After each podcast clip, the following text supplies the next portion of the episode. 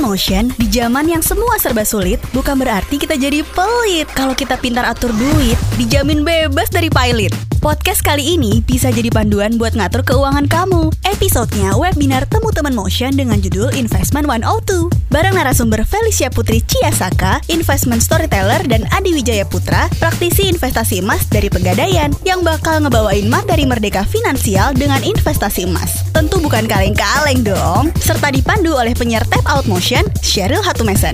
Enjoy the show! Ada promo gajian emas di setiap bulannya. Download aplikasi Pegadaian Digital sekarang, buka tabungan emas, dan top up terus demi masa depan yang lebih cemerlang. Buruan, jangan sampai ketinggalan! Pegadaian. Welcome to Investment 102 persembahan Pegadaian. Hari ini tentunya masih bareng dengan Felicia Putri Ciasaka dan juga bareng Cheryl di sini ya. Nih, udah beberapa kali kita belajar mengenai uh, financial, mengenai investasi dan kita kayaknya nggak pernah selalu haus gitu sama yang namanya ilmu. Kalau gitu sekarang langsung aja aku serahkan waktu dan tempat ke Kak Felicia Putri Ciasaka. Silakan Kak Feli. Um, sebelumnya salam kenal, perkenalkan nama aku Feli buat yang belum belum pernah uh, ketemu bareng. Um, aku tahun ini umur 25, uh, masih sangat muda. Jadi aku uh, ini aku tahu, ini pengalaman aku, ini yang selama ini aku pelajari. Semoga uh, cukup bermanfaat. Tapi aku juga sangat open, uh, open minded untuk untuk welcome pertanyaan, diskusi bareng nanti di Q&A. Karena aku yakin aku juga kalian bisa belajar dari aku. Aku juga pasti bisa belajar lebih banyak lagi dari um, teman-teman di sini dan juga dari Mas Adi dan um, dari yang lainnya. Selama lima tahun, uh, aku berkarir di pasar modal sebagai investment analyst. Um, jadi kalau di sini ini report-report aku. Jadi aku tim research dulu um, di sekuritas di pasar modal. Researchnya tentang saham. Um, tapi uh, sejak pandemi ini um, Agustus kemarin, a bit uh, pandemi is a bit blessing in disguise sih untuk aku. Um, karena pandemi ini aku punya pilihan lain untuk bisa akhirnya resign dan uh, fokus full time content creator sejak Agustus lalu gitu. Masih sangat kangen dengan masih sangat suka dengan capital market tapi mungkin sekarang berjeda katanya sih biar lebih bisa memahami makna dan dan uh, ngerasain kangennya gitu. Jadi someday aku juga masih berharap bisa balik ke uh, capital market. Hari ini kita bakal ngobrolin tentang investment mono tuh kayak investment tapi versi yang lebih baru lah gitu. Karena kita udah sering nih ngomongin investasi sebelumnya tentunya nggak akan cukup eh, satu uh, dua jam kita ngobrol-ngobrol. Kalau misalnya masih ada yang mau ditanyain lebih lanjut lagi bisa check out ke um, social media aku. Di YouTube aku jauh lebih detail um, setiap jenis investasinya. Semoga library perpustakaan yang udah aku bangun di uh, YouTube aku uh, lumayan membantu ya gitu. Dan itu semuanya juga gratis. Nah hari ini aku mau mulai dari cerita gitu. Semoga cerita ini membukakan mata kita kenapa kita harus invest sekarang, sekarang banget nih abis acara ini atau atau atau ya setelah acara ini lah ya. Um, biar bisa fokus dulu gitu. Kenapa harus sekarang? Kenapa harus semudah mungkin? Kenapa nggak boleh nanti-nanti gitu? Nah, kenalin, aku punya dua teman nih.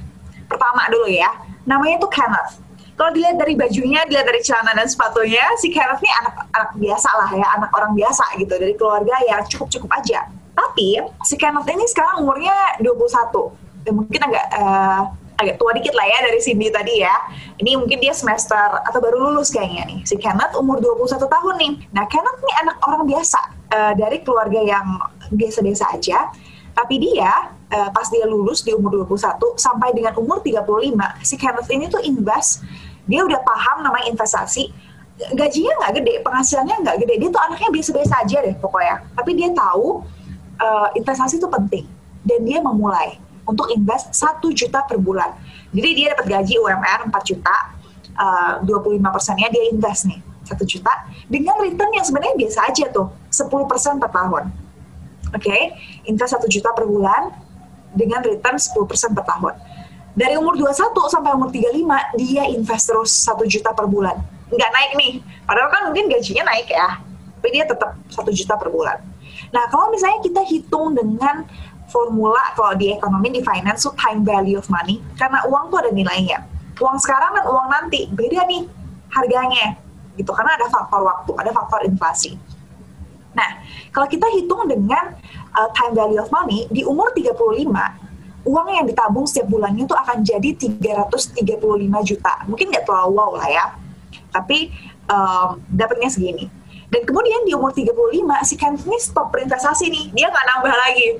Oke, okay? dia nggak nambah lagi berinvestasi, tapi dia juga nggak ngambil. 335 ini dia nggak ambil. Dia nggak tambah, dia nggak ambil.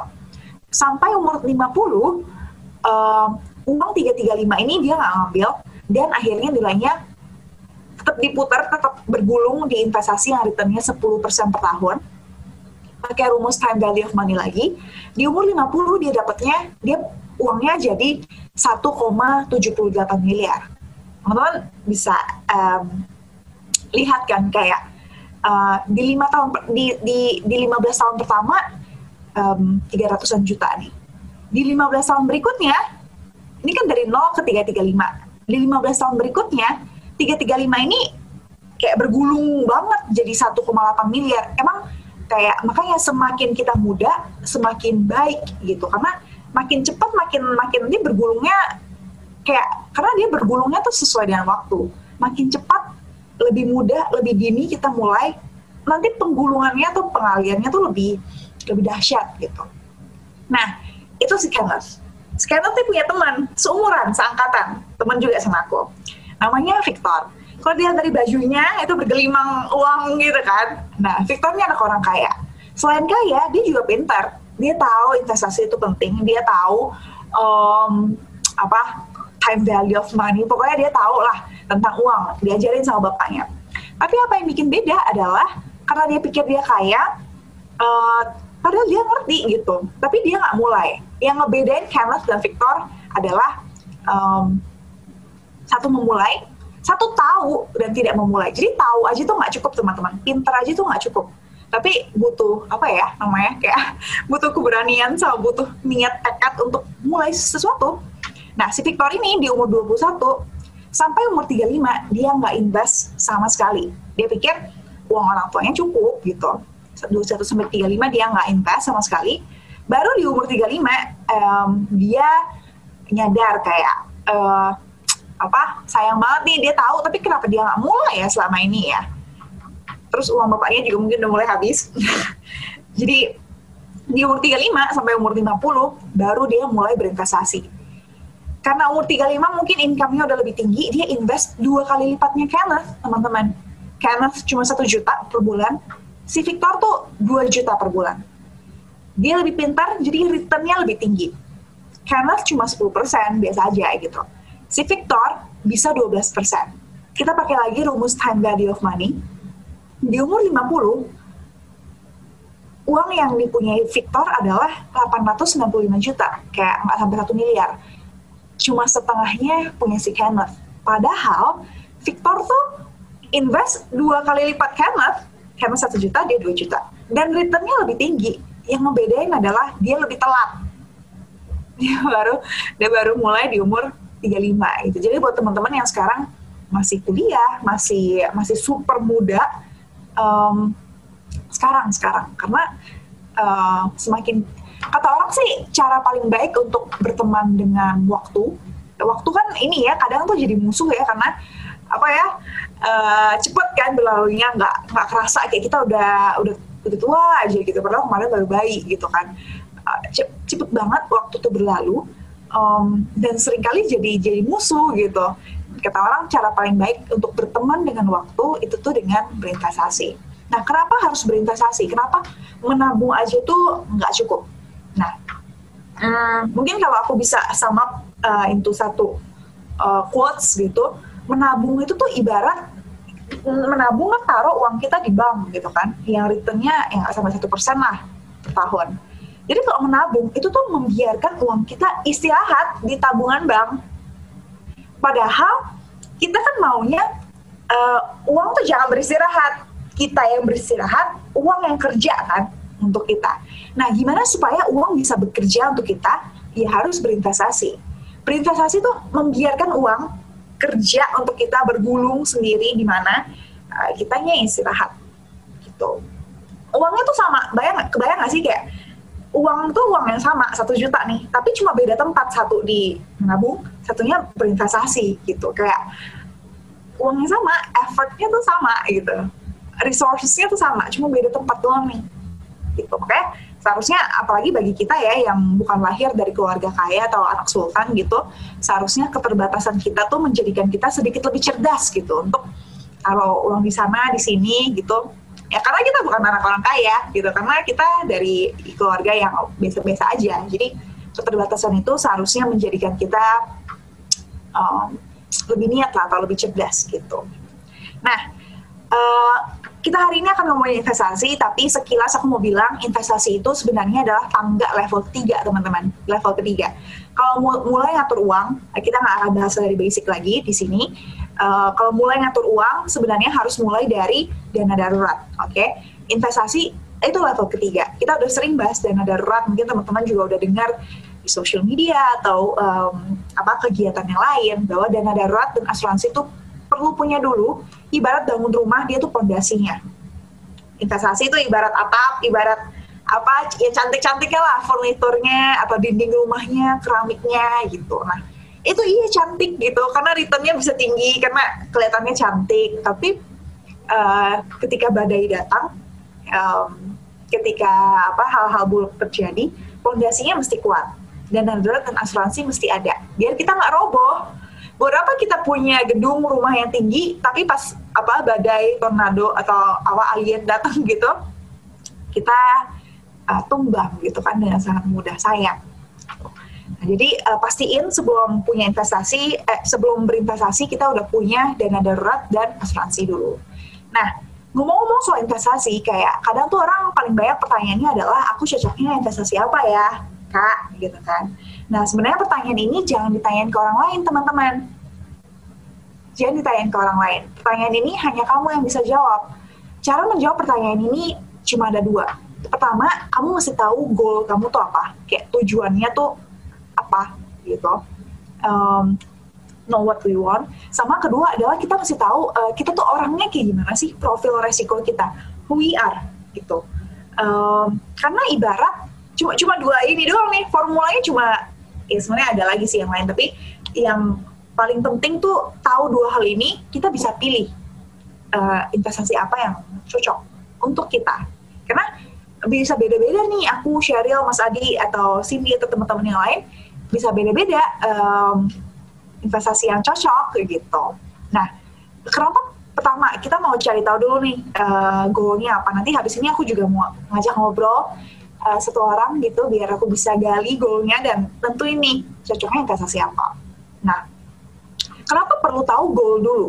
Karena um, investasi itu ibarat kayak gini. Misalnya kita tuh uh, mau berjalan dari rumah rumah kita mau ke rumah sebelah oke okay?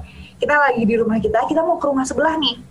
Nah kalau kita ke rumah sebelah kita kan pastinya jalan kaki doang dong orang cuma sebelah ya kan? tapi kalau di lain waktu kita dari Jakarta nih kita mau pergi ke Bali. Misalnya udah mau liburan nih setelah satu tahun di rumah terus.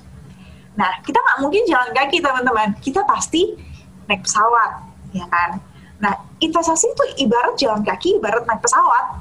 Investasi itu kendaraan yang lebih penting, yang paling penting itu adalah tujuannya kita itu kita mau ke makanya kita mesti tahu dulu kita mau ke rumah sebelah atau kita mau ke uh, provinsi lain gitu.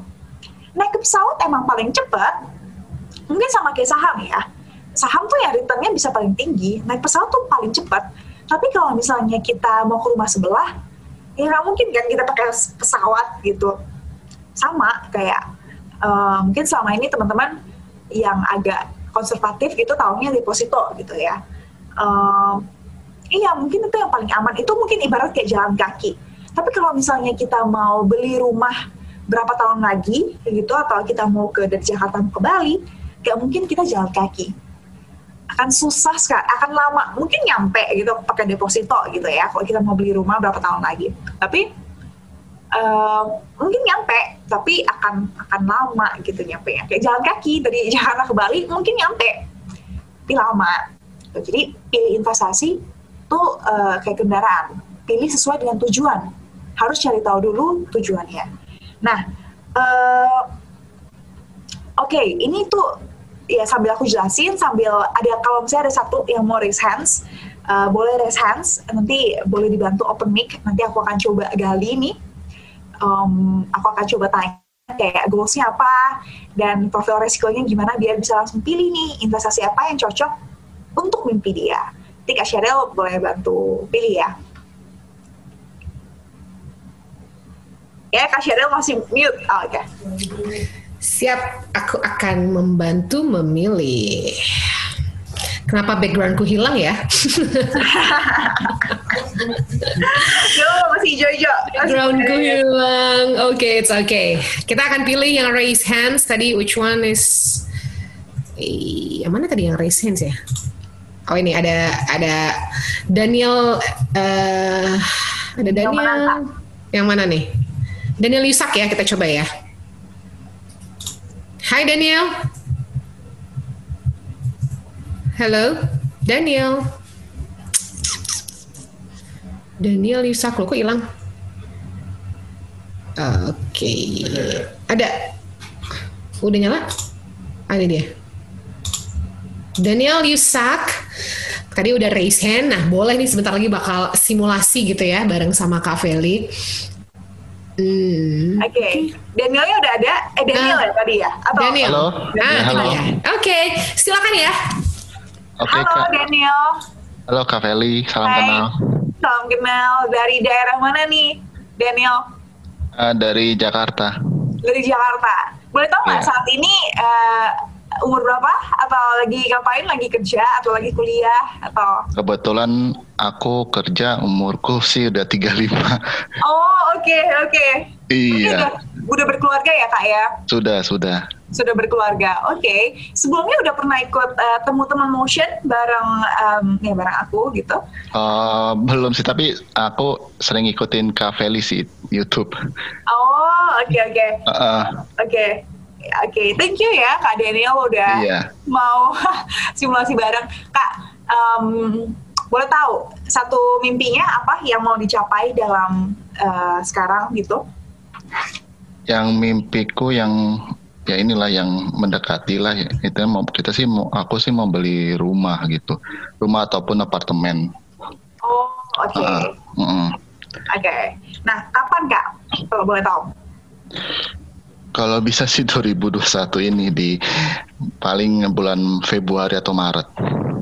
Oh, oke, Mm. oke, oke ya, oke. Kalau gitu aku coba ini aku gambar ya biar aku keba ini ya. Eh, eh, berarti udah ada uangnya dong kak ya kalau misalnya apa Sudah, sudah.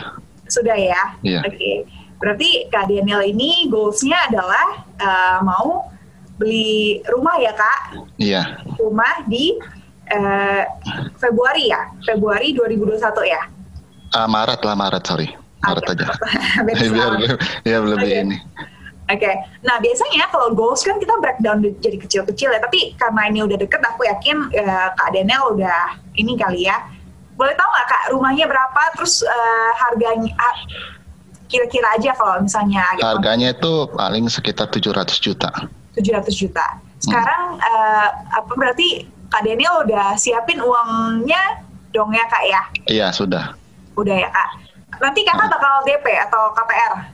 Eh, Ah, kemungkinan sih DP dulu sih. DP DP rumahnya. Kak? Ah, 100. Oke, DP-nya eh, 100 juta ya? Iya. Atau ini berapa persen nih berarti? Berarti, eh, oke. Berarti ini 14 persen ya kak ya? Iya. Sisanya KPR gitu. Nah, berarti sekarang Kak Daniel udah punya 100 juta kak? Atau, Sudah, sudah. oh udah ya? Terus eh, mungkin bingungnya adalah sekarang uang ini mesti, uang ini di bank kak? Eh, di bank ya kak ya?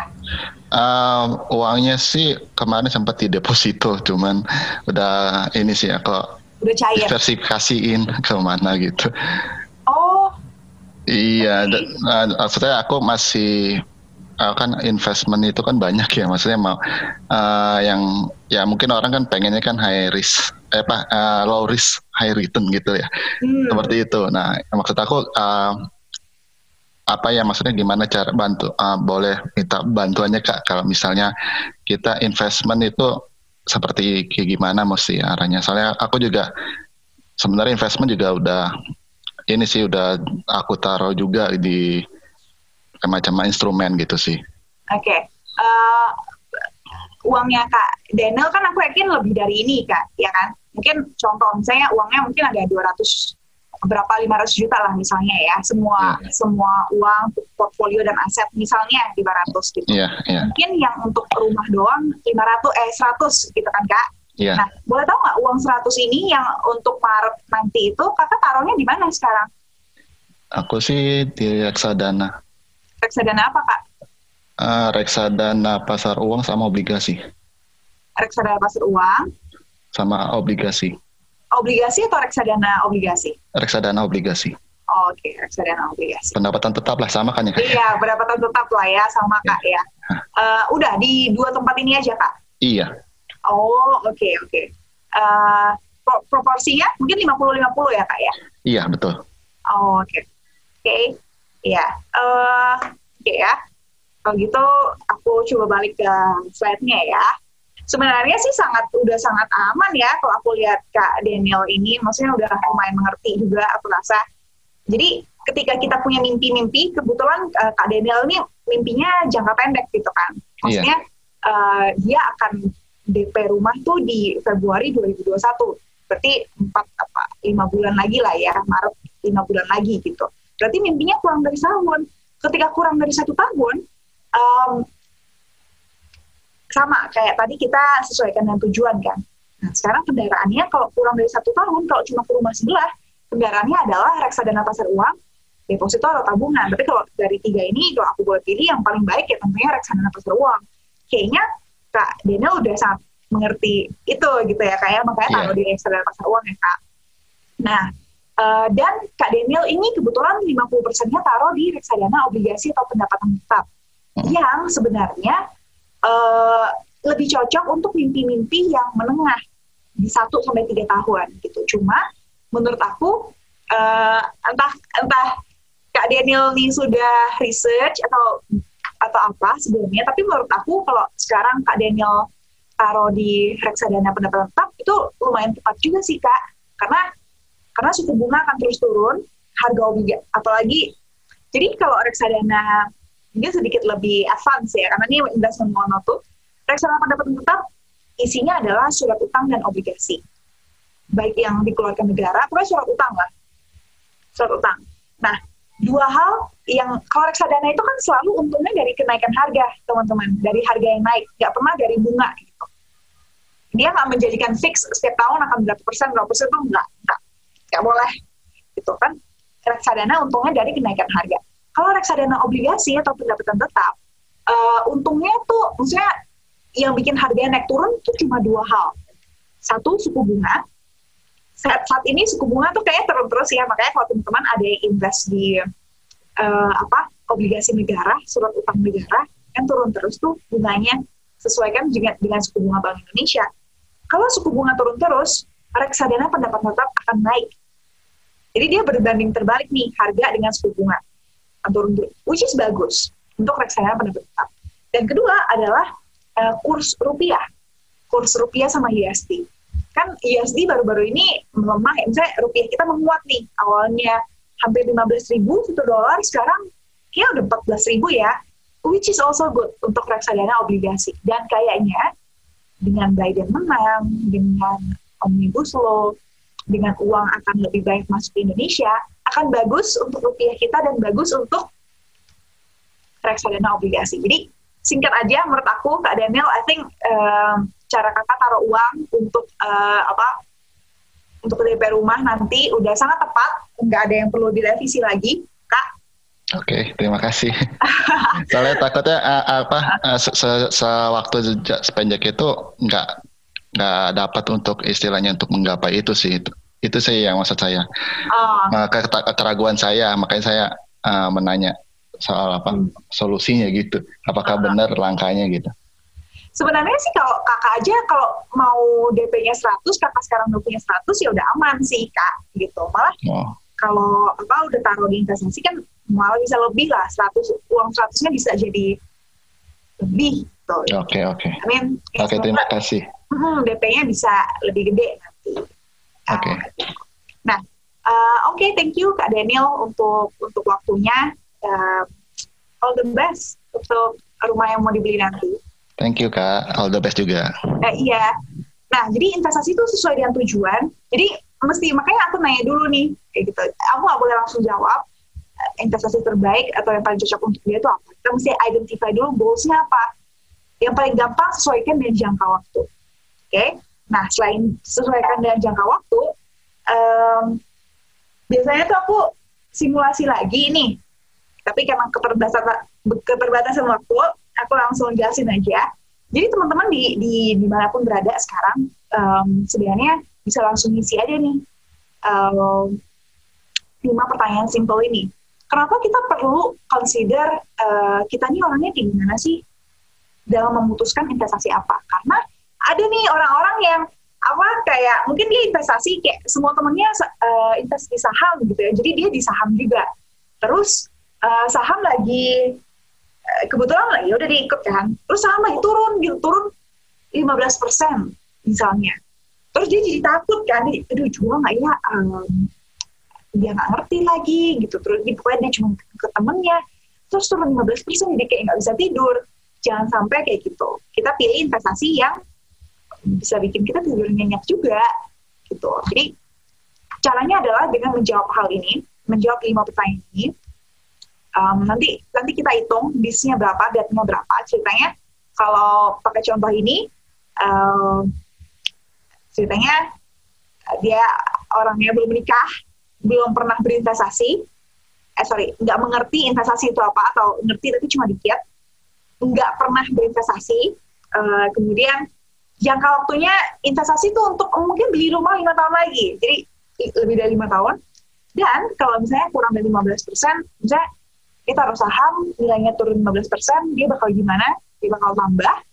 Nah, kalau gini berarti kan bisnya satu ya, bisnya satu, debt-nya ada empat, um, berarti dia masuk kategori ini nih. Ini adalah investasi-investasi yang eh, cocok buat dia gitu.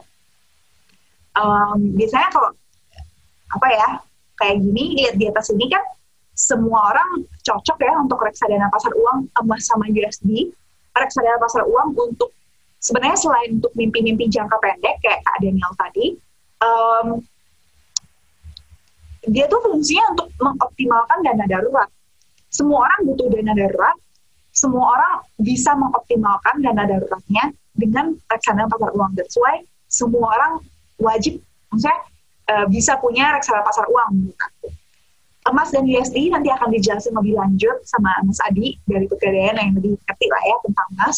Tapi eh, menurut aku semua orang juga mesti punya emas sebagai em, instrumen diversifikasi. Nah kalau misalnya kamu tadi isi soal itu terus masuk ke kolom ini, em, ada banyak nih pilihan yang cocok untuk kamu. Pas semua yang bersinggungan di sini, properti, tanah, reksadana saham, reksadana campuran, peer lending, saham masuk di sini. Kalau bingung milih yang mana, em, pilih aja satu. Misalnya saham gitu ya, karena semua lagi saham nih contohnya di lingkungan kamu. Em, nabung rutin di situ selama minimal enam bulan dan selama enam bulan itu selain kamu nabung rutin, di top up-nya cuma satu tempat itu doang tuh. Eh, dan selama itu juga pelajari secara mendalam biar kamu ngerti, baru setelah itu diversify, baru setelah itu pindah ke produk lain. Kan kita kita nih investor, bukan kolektor eh, investasi kayak gitu. Jadi pastiin eh, di mana kita invest kita ngerti. Nah, em, aku mau bilang kalau ngebangun eh, apa ya nge- ngatur uang atau ngebangun portfolio kita tuh kayak ngebangun rumah. Fondasinya itu dana darurat dan asuransi. Di tengah-tengahnya ini kita makanya tadi aku bilang semua perlu punya emas atau US dollar. Kalau ada exposure ke luar negeri, US dollar. Tapi kalau nggak ada exposure ke luar negeri, maksudnya uh, exposure itu kayak kalau misalnya kita mau ngilkolahin anak kita satu hari di luar atau uh, ada nih orang tua kita yang mesti berobat ke Malaysia setiap bulannya atau setiap enam bulan sekali gitu. Itu ada exposure ke luar negeri, perlu punya US dollar. Tapi kalau enggak, semuanya aja di emas gitu.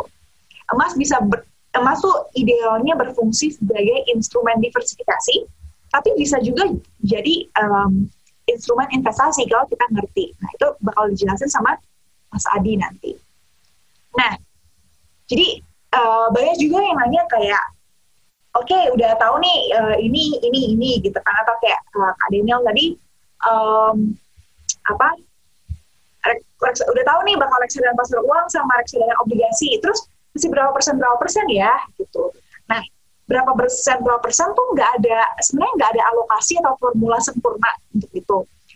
Uh, sama beda-beda setiap orang. Sesuaikan dengan seberapa kita ngerti. Jadi besaran alokasinya 10% saham 50% emas atau 30% peer-to-peer lending misalnya atau apa pun itu sesuaikan dengan seberapa kita ngerti tentang produk itu. Pokoknya kita invest paling banyak di yang kita kita ngerti aja dulu gitu. Jadi um, kayak gitu. Nah, uh, untuk di ini sekalian juga karena kita udah di akhir tahun dan um, ini part yang terakhir, aku mau cerita tentang uh, 2021 investasi apa yang cocok gitu. Nah, ketika kita melihat uh, tahun, maksudnya sebenarnya sih kalau kita berinvestasi sesuaikan dengan tujuan kita gitu ya. Tapi itu kan sesuatu yang internal. Tujuan kita, kita orangnya kayak gimana, itu kan sesuatu yang internal, teman-teman. Nah, internal sama eksternal sama pentingnya. Tapi maksudnya butuh tahu diri kita sendiri dulu nih, butuh tahu apa yang kita mau dulu. Kalau udah tahu, sekarang saatnya kita lihat um, ke depannya tuh bakal kayak gimana gitu. Biar kita ngerti juga eksternalnya atau uh, kondisi luar tuh bakal gimana. Nah, uh, jadi kita identify dulu 2021 tuh bakal kayak gimana. Bisa jadi ada pertumbuhan ekonomi yang dahsyat gitu karena tahun ini kita udah drop so much. Um, mungkin vaksin massal atau vaksin gagal, no one knows. Um, mungkin akan ada global debt crisis karena di tahun ini uh, banyak negara uh, ngeluarin stimulus ekonomi, banyak perusahaan berhutang untuk survive. Um, nggak tahu tahun depan apakah tantangannya adalah apakah mereka bisa membayar utang-utang itu? Karena kalau enggak ya akan jadi uh, itu global debt crisis gitu ya. Krisis karena nggak bisa bayar utang gitu. itu ada masalah tersendiri tersendirinya juga tuh dalam ekonomi. Atau mungkin uh, masih akan banyak pengangguran. No one knows gitu. Ini adalah uh, possibility possibility yang bisa terjadi kemungkinan kemungkinan di 2021 tetapi kalau um, dari perspektif aku sendiri gitu ya uh, ya nggak aku sendiri juga sih. Ini sebenarnya data pertumbuhan ekonomi teman-teman. Jadi GDP ya kan kalau resesi yang kalau sering dengar resesi resesi itu ya karena pertumbuhan ekonomi kita dua kuartal negatif berturut-turut. Tapi lihat kita kan paling paling dropnya tuh di di Ju, di kuartal kedua ya, di mana kita turun 5,3 persen. Nah, tapi di kuartal ketiga dari Juli sampai September tuh udah agak naik nih.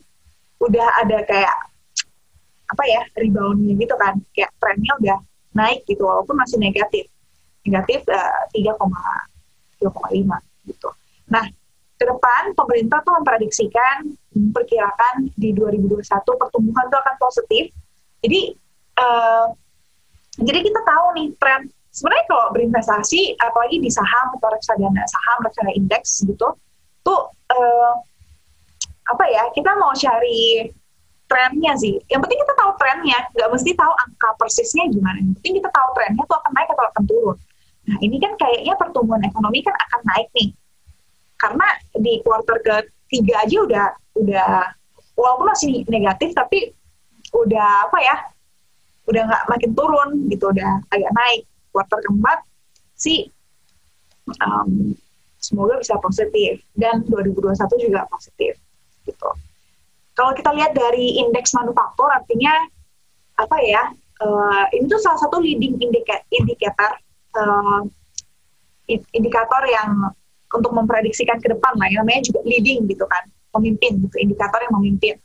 Um, dari manufaktur, dari apa pabrik-pabrik yang bekerja gitu, drop paling rendah di April, kemudian sejak saat itu, ini sumber datanya dari Trading Economics sih, diambil dari Bank Indonesia, um, sudah sudah trennya juga up gitu. Jadi sebenarnya kalau berinvestasi, apalagi kalau misalnya di saham gitu ya, atau reksadana saham atau perusahaan lah, uh, kita mau cari trennya sebenarnya, bukan angka pastinya gitu.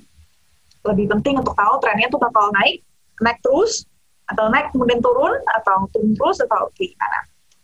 Nah, makanya uh, investasi di 2021 atau investasi setelah pandemi, um, semoga gitu ya, um, semoga pandemi udah selesai di 2021.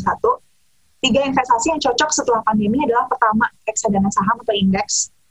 Karena ketika ekonominya rebound, saham tuh akan bagus. Uh, tapi kalau uh, aku agak takut nih saham gitu ya karena belum pernah. Terus juga dia punya pengalaman buruk, gitu pernah dengar sesuatu yang buruk. Mulai dengan sederhananya di reksadana saham atau reksadana indeks. Aku sih lebih suka reksadana indeks gitu ya karena biayanya rendah um, dan lebih lebih kecil resiko manusianya gitu. Reksadana adalah kumpulan saham. Jadi kalau saham itu kan kita beli satu perusahaan BCA misalnya. Tapi kalau reksadana saham belinya tuh sekumpul. Ada BCA, ada Telkom, ada BRI, ada Unilever, ada perusahaan-perusahaan lainnya. Jadi lebih lebih terdiversifikasi gitu lah. Saham juga bagus. Um, karena pemulihan ekonomi. Pokoknya kalau ekonomi bertumbuh, ekonomi balik bagus, um, dua ini akan bagus. Uh, harga saham akan naik ketika ekonominya membaik dan ada growth. Kita gitu kan diprediksikan tahun depan um, ada growth 4 sampai 5 persen, which is much much better daripada tahun ini yang minus kayak gitu. Perusahaan-perusahaan yang biasanya diuntungkan adalah ketika ekonomi bagus ya perusahaan yang cyclical gitu yang turun paling tajam ketika ekonomi jelek, tapi akan naik paling tajam juga ketika ekonominya balik membaik. Dan ketiga adalah peer-to-peer lending menurut aku, karena ketika ekonomi pulih, uh, kan ekonominya bagus gitu ya. Jadi resiko untuk gagal bayar itu akan sangat kecil. Itu sih simpelnya. Um, Oke, okay, ini mungkin aku nggak akan bahas terlalu detail di sini. Nanti kita bisa di Q&A aja kalau ada pertanyaan uh, reksadana itu adalah uh, produk untuk kumpulan orang yang nggak punya waktu, pengetahuan dan uang, yang mempercayakan uangnya ke manajer investasi, ke seseorang, ke, ke perusahaan untuk dikelola dalam bentuk reksadana. Um, maaf, mungkin ini aku skip aja. Jadi nanti kita bahas lebih detail di Q&A. Saham itu beli perusahaan, uh, untungnya dari kenaikan harga, beli hari ini seribu, jual dua tahun lagi harga 3000 misalnya jadi keuntungan kita dari 1000 ke 3000 uh, peer to peer lending uh, itu konsepnya adalah beda nih sama reksadana sama saham. Ini konsepnya tuh lebih kita minjemin uang ke orang uh, karena kita minjemin uang ke orang ya bisa aja sih sama aja kayak kita mau minjemin uang ke teman kita ya. Kita masih tahu teman kita atau orang itu tuh bakal pakai uangnya untuk apa dia untuk buka usaha atau sesuatu yang menghasilkan uang lagi atau untuk uh, untuk happy happy untuk head on misalnya atau untuk beli tas atau beli mobil baru gitu. Kan kita nggak mau minjemin orang yang pakai uang kita untuk itu kan. Resikonya tinggi. Kayak gimana kalau dia nggak bisa balikin? Gimana kalau uh, ya banyak gimana gimana kalau yang jelek jelek lah. Gitu. jadi kalau peer to peer lending aku pribadi uh, ketika lihat orang itu harus pakai untuk sesuatu yang menghasilkan uang lagi atau bahasa kerennya produktif. Um, itu jadi kalau konsumtif itu udah skip. Begitu. Nah uh, tadi kita ngomongin banyak jenis investasi. Pada ujungnya investasi yang paling baik adalah investasi yang paling kita ngerti. Jadi um, kayak gitu sih. Uh, nggak nggak perlu nggak perlu apa ya kayak aku kan sering bilang juga tuh di sosial media aku 40% di peer-to-peer lending, 30% di reksadana, 30% di saham gitu. Um, aku juga nggak border tuh oh, sahamnya kebetulan lagi naik banyak. Aku juga nggak nggak yang aku juga punya saham di situ, tapi nggak paling gede di situ. Hmm, maksudnya nggak nggak perlu nggak perlu apa ya iri atau nggak perlu jealous gitu sama orang lain yang kebetulan lagi untung banyak. Uh, karena kayak mereka ngerti nggak apa-apa gitu. Kita apa ya karena mimpi mereka bisa beda yang mereka tahu bisa beda daripada kita jadi menurut aku sih nggak perlu apa ya nggak perlu insecure gitu untuk lihat performance atau apa yang orang lain capai gitu karena yang mereka tahu tujuan mereka bisa jadi beda sama kita. Uh, ya dan dan dan terakhir aku mau bilang kalau investasi itu uh, sebenarnya bukan hanya di produk keuangan teman-teman, uh, tapi juga bisa di produk-produk non keuangan. Misalnya kayak teman aku nih si Abi yang beli kamera harganya 10 juta misalnya. Dan dia pakai kamera ini untuk jadi fotografer yang bisa menghasilkan dia 100 juta. Dia beli kamera 10 juta itu investment. Untuk jadi fotografer yang menghasilkan 10 juta itu return. Kalau misalnya kita hitung return on investmentnya, beli 10 juta tahun ini, di tahun yang sama dia bisa menghasilkan 100 juta, itu 10 kali lipat, 1000 persen. Saham mana yang bisa kasih? Ada kali ya saham satu dua yang bisa kasih 1000 persen dalam setahun. Tapi kan jarang banget saham yang kayak gitu. Dan kadang itu agak hoki-hokian tuh ketemu saham yang kayak gitu. Jadi aku mau bilang, uh, apa ya, investasi itu nggak hanya di produk keuangan, tapi juga di produk-produk non keuangan bahkan returnnya bisa jauh lebih tinggi. Kayak gitu. Jadi kalau kalau aku gambarin konsepnya harus um, berinvestasi tuh mulai dari mulut aku ya. Ini juga yang aku lakuin sih.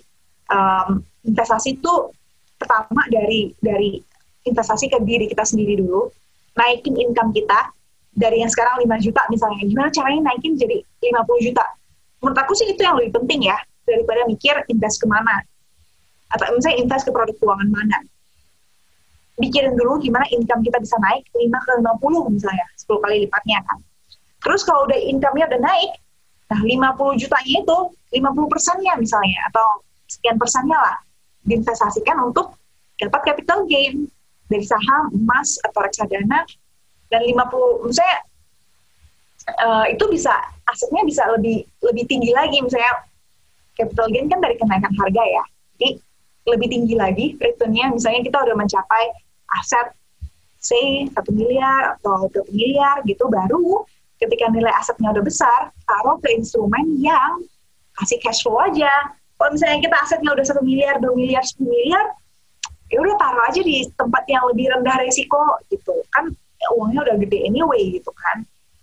Yang yang pasti-pasti aja carinya yang kasih cash flow kayak deposito atau obligasi kayak gitu um, ya semoga uh, lumayan lumayan beda gitu perspektifnya aku mau bilang um, di penghujung investasi keuangan tuh penting tapi jauh lebih penting lagi untuk uh, balik invest ke diri kita sendiri dulu karena itu return on investmentnya bisa jauh lebih gede daripada investasi di produk keuangan. Uh, mungkin itu aja dari aku. Uh, nanti kita diskusi lagi di Q&A. Aku balikin ke Kak Sheryl. Yes, terima kasih Kak Feli. Itu penting banget ya. Sangat sangat sangat penting banget investasi keuangan memang penting tapi investasi untuk diri sendiri jauh lebih penting. Betul, setuju. Salah satu investasi untuk diri sendiri juga adalah belajar, teman motion ya. Seperti yang kita lakukan sekarang ini adalah kita sama-sama belajar untuk lebih mengenal investasi. Nggak sembarang investasi, karena bisa-bisa nanti kalau misalnya kita terbawa dengan yang namanya, aduh pengen buru-buru punya uang yang cepat gitu ya, itu juga nanti investasinya akan jatuh ke investasi yang aneh-aneh gitu loh. Uang kita kan carinya susah kalau kata Kak Feli. Jadi uh, semoga kita bisa atur uang kita ke mana biar bisa bisa uh, bekerja buat kita. Karena investasi adalah bagaimana uang bisa bekerja buat kita gitu loh, supaya kita juga eh, nggak uh, terlalu capek-capek banget nanti di saat tua bekerjanya. Karena aku sempat nonton juga salah satu youtuber gitu ya, dia uh, menginterview salah seorang yang sangat muda, tapi sudah sangat kaya dan bukan kaya karena orang tuanya, tapi dia kaya. Kenapa kayanya? Yang pertama dia mulai beker, dia mulai berinvestasi dari pertama kali dia bekerja, lulus kuliah. Jadi dia lulus kuliah dia udah mulai berinvestasi dari yang kecil-kecil banget gitu loh. Dan akhirnya si youtuber ini bertanya sama orang itu kan, e, menurut lo bisa nggak sih kaya kalau bukan dari, eh, cuma dari kerja? Nggak bisa, harus dari investasi gitu. Jadi ayo kita berinvestasi. Nah tadi udah sedikit ngomongin tuh yang reksadana pasar uang dan lain sebagainya. Tapi investasi pertama ya yang juga kakak Fili bisa juga nih buat diversifikasi itu yang aku kenal adalah emas. Yang aku punya sekarang sekarang baru punya reksadana pasar uang karena kenal Kak Feli. Tapi satu-satunya aku punya dulu adalah hanya emas aja mudah gitu loh. Cuma emas aku mengerti karena kan nggak paham ya. Jadi tinggal beli beli beli beli beli dan akhirnya uh, itu doang yang aku punya. Ya walaupun uh, selama pandemi uh, ada juga yang dijual kok ya gitu ya. Langsung aja kita mau ngobrol sama seseorang yang sudah paham sekali ini mengenai investasi, terutama investasi emas. Ada Mas, A wah investasi emas, Mas Adi Wijaya. Hai Mas Adi, silakan. Hai Seril, hai yes. teman-teman motion semua. Oke, uh, luar biasa sekali tadi materi dari uh, Feli uh, membuka pandangan kita semua ya teman-teman tentang pentingnya berinvestasi nih. Tapi sebelum memulai saya mau kasih pantun dulu, boleh ya buat teman-teman motion semua ya. Pantunnya begini, nunggu obral smartphone harga diskon, begadang hingga larut malam sambil harap-harap cemas. Selamat siang wahai teman-teman motion, jumpa lagi di webinar kali ini demi masa depan Mas. Wah ini kenapa saya sempat-sempat singgung ya, uh, nunggu obral smartphone dengan harga diskon, karena kemarin kita sempat ada belanja nasional mungkin kemarin 11 11 11 11 wah. 11 gitu ya teman-teman yang lain mungkin ada yang ikutan. Uh, nah di sini kita mau bahas uh, seperti apa sih uh, perilaku konsumen milenial seperti uh, di masa sekarang ya. Baik saya coba untuk share screen terlebih dahulu Baik, sudah terlihat ya.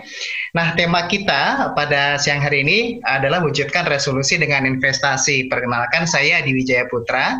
Eh, sekarang di Marketing Division Pegadaian eh, ingin membagikan share nih tentang bagaimana sih eh, cara kita mewujudkan resolusi kita di masa depan dengan berinvestasi. Oke, yang pertama kita mau bahas dulu tentang jebakan finansial di kalangan milenial. Kenapa tadi saya buka dengan pantun yang uh, menyinggung tentang belanja online gitu ya. Karena ternyata sekarang banyak sekali jebakan finansial di kalangan milenial yang harus teman-teman semua tahu nih. Yang pertama ada yang namanya fenomena FOMO atau fear of missing out dan YOLO atau you only live once yang memicu impulse spending. Sehingga terkadang kita mengeluarkan atau membelanjakan sebagian penghasilan kita meskipun kita tidak butuh. Nah, ini yang harus betul-betul uh, kita perhatikan jadi pastikan setiap spending yang kita keluarkan itu sesuai dengan kebutuhan kita dan bukan karena keinginan kita. Lalu yang kedua, jebakan finansial di milenial itu yaitu menyukai experience spending yang konsumtif ketimbang investasi. Jadi mungkin kalau misalkan teman-teman, wah kan hidup cuma sekali ya, jadi uh, kenapa sih kita nggak traveling ke tempat A, ke tempat B, sehingga uh, akhirnya ini ada sebuah survei yang sangat menarik bahwa 20% milenial itu tidak memiliki investasi apa pun. Nah, jadi mungkin karena menganggap hidup hanya sekali, jadi mungkin ah aku banyakin pengalaman dulu, uh, baru nanti investasi belakangan seperti yang tadi dicontohin sama Kak Feli, uh, sehingga akhirnya dia telat berinvestasi. Nah, ini adalah kondisi real di uh, dunia sekarang ya. Dan juga yang ketiga, milenial itu tidak takut berutang atau pay later. Nah, ini lebih bahaya lagi. Nah, sehingga kadang-kadang kita membelanjakan sesuatu yang sebenarnya kita tidak mampu.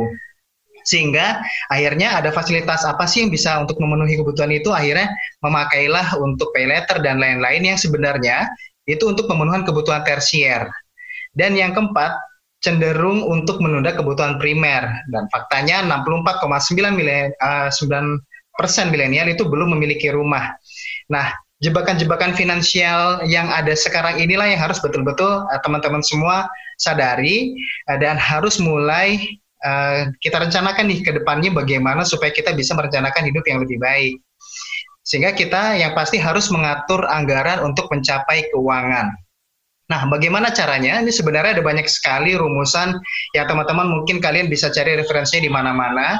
Yang pasti adalah anggaran rumah tangga sebaiknya disesuaikan dengan rencana keuangan dan selalu alokasikan pos-pos pendapatan kita berdasarkan penghasilan yang kita terima. Dan yang pasti untuk pinjaman, biaya hidup dan lain-lain itu maksimal 60%. Nah, ini kalau misalkan boleh kita simulasikan sedikit gitu ya.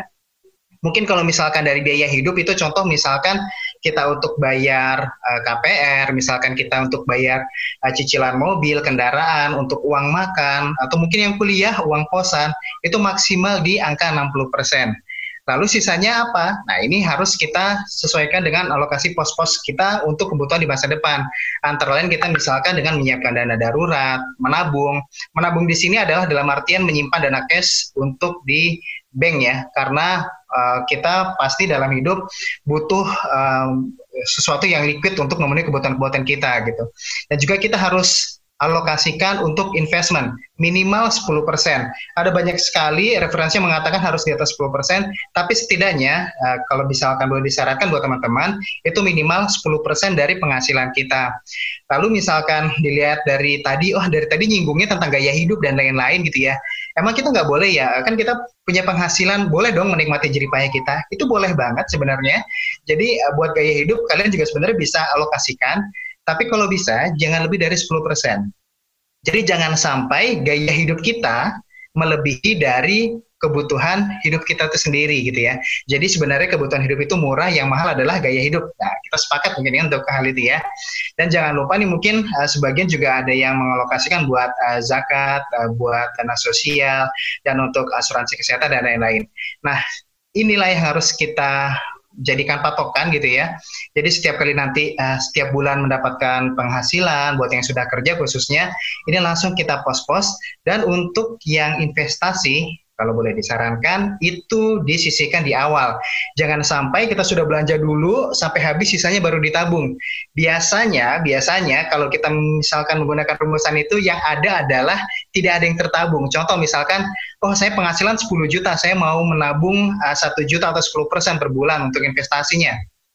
Pada kenyataannya, menabungnya ini ternyata atau investasinya dari sisa dari pengeluaran biaya hidup dan pada akhirnya misalkan tadi ada banyak sekali distraksi atau misalkan ada belanja nasional gitu kan tiba-tiba yang tadinya mau satu juta tinggal dua ratus ribu dan akhirnya dua ratus ribu ini yang ditabungin nah bagaimana supaya mencegah tidak terjadi seperti itu pastikan di awal bulan langsung kita sisihkan sesuai dengan pos-pos yang uh, kita uh, butuhkan Lalu tadi juga kenapa sih kita penting berinvestasi? Tentunya ada beberapa poin yang harus kita perhatikan ya. Yang pertama adalah tingkat inflasi bahwa jaya hidup itu semakin hari semakin tahun tentunya semakin mahal. Kalau boleh cerita dulu uh, teman-teman motion, saya waktu kuliah di Brawijaya Malang masih ingat itu tiga ribu rupiah bisa makan uh, pakai nasi ayam dan es teh gitu ya. Tapi kalau misalkan kita ke tahun 2020 sekarang, uh, saya kembali ke sana 3000 mungkin bahkan es tehnya saja saya tidak dapat gitu. Jadi ada peningkatan biaya hidup. Dan yang kedua ada masa produktif dan masa tidak produktif. Jadi kita tahu bahwa tidak selamanya kita bisa menghasilkan uang dengan nominal yang sama gitu ya. Nah, pasti ada nanti ada masa-masa tidak produktif, kita tidak tahu ke depannya apakah pekerjaan kita settle atau tidak, apakah nanti perusahaan tempat kita bekerja tetap berdiri atau tidak, atau bahkan mungkin secara fisik apakah kita tetap sehat atau tidak. Nah, masa-masa tidak produktif ini harus kita antisipasi dengan berinvestasi. Dan yang ketiga, tujuan kenapa kita berinvestasi adalah memperoleh keuntungan kita tadi mengalokasikan uang kita untuk investasi, kita bisa menjadi aman dan menjadi tetap daya belinya di masa mendatang. Nah, kalau misalkan tadi mungkin ada gaya hidup kita berbelanja, FOMO, YOLO, nah mari uh, kita jadikan menabung sebagai uh, gaya hidup, menjadikan investasi sebagai gaya hidup alasannya emas. Nah, instrumen investasi sebenarnya sekali yang bisa teman-teman uh, cari dan pilih gitu ya. Ada saham, ada reksadana, Nah, pastikan instrumen investasi yang kalian pilih sesuai dengan karakter kalian. Jadi mungkin kalau misalkan saya tanya uh, sekarang di sini siapa yang suka pisang, siapa yang suka durian gitu ya. Mungkin dari teman-teman motion bisa jawab siapa yang suka pisang, siapa yang uh, suka durian gitu ya. Nah, mungkin kalau misalkan saya tanya kenapa uh, si A suka pisang, mungkin alasan dia karena oh karena pisang uh, lebih aman buat uh, badan kita, lebih sehat gitu ya. Lalu kalau misalkan dari segi harga sendiri juga lebih murah. Nah, tapi ini juga sama seperti investasi. Oh, investasi A lebih murah, investasi A lebih aman. Terus kenapa Anda pilih uh, duren gitu, katakanlah saham misalkan kalau di investasi ya. Oh, saya pilih saham karena meskipun uh, duren itu atau saham itu ternyata risikonya lebih tinggi, tapi saya tahu caranya, saya tahu ilmunya bagaimana untuk mengantisipasi itu gitu. Nah, jadi pastikan kita tahu nih dari setiap uh, instrumen investasi kita tahu profil dan karakter resikonya itu sendiri. Nah, kenapa sih kita investasi emas gitu ya? Yang pertama karena nilai emas ini tahan terhadap inflasi. Kita tahu tadi bahwa biaya hidup itu semakin lama semakin tinggi. Jadi kalau misalkan kita punya uang uh, senilai 10.000 di masa sekarang, itu nilainya tidak akan sama daya belinya jika kita nanti di masa mendatang. Dan uh, contoh misalkan tadi kita lihat biaya hidup semakin tinggi, biaya pendidikan semakin tinggi. Nah, inilah yang harus membuat kita berinvestasi terhadap uh, emas gitu ya karena emas terbukti sebagai salah satu instrumen yang tahan sekali terhadap inflasi. Salah satunya juga kita lihat dalam masa-masa pandemi seperti sekarang ini emas terbukti gitu ya bisa uh, menangkal uh, gejolak perekonomian di luar sana yang terjadi sekarang dan harganya malah semakin naik gitu. Kenapa? Karena kembali lagi saat terjadi ketidakpastian, orang kembali menuju ke instrumen investasi yang disebut safe haven. Karena emas di sini memang terbukti paling tahan resiko dan tahan terhadap inflasi.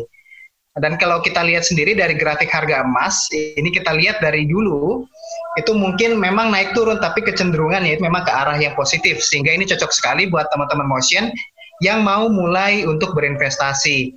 Mungkin kalau misalkan dulu saya boleh cerita, masih awal-awal saya mau mulai bekerja itu harga masih di 200 ribuan dan sekarang di tahun 2020 itu sudah di harga 1 juta jadi lima kali lipat kenaikannya.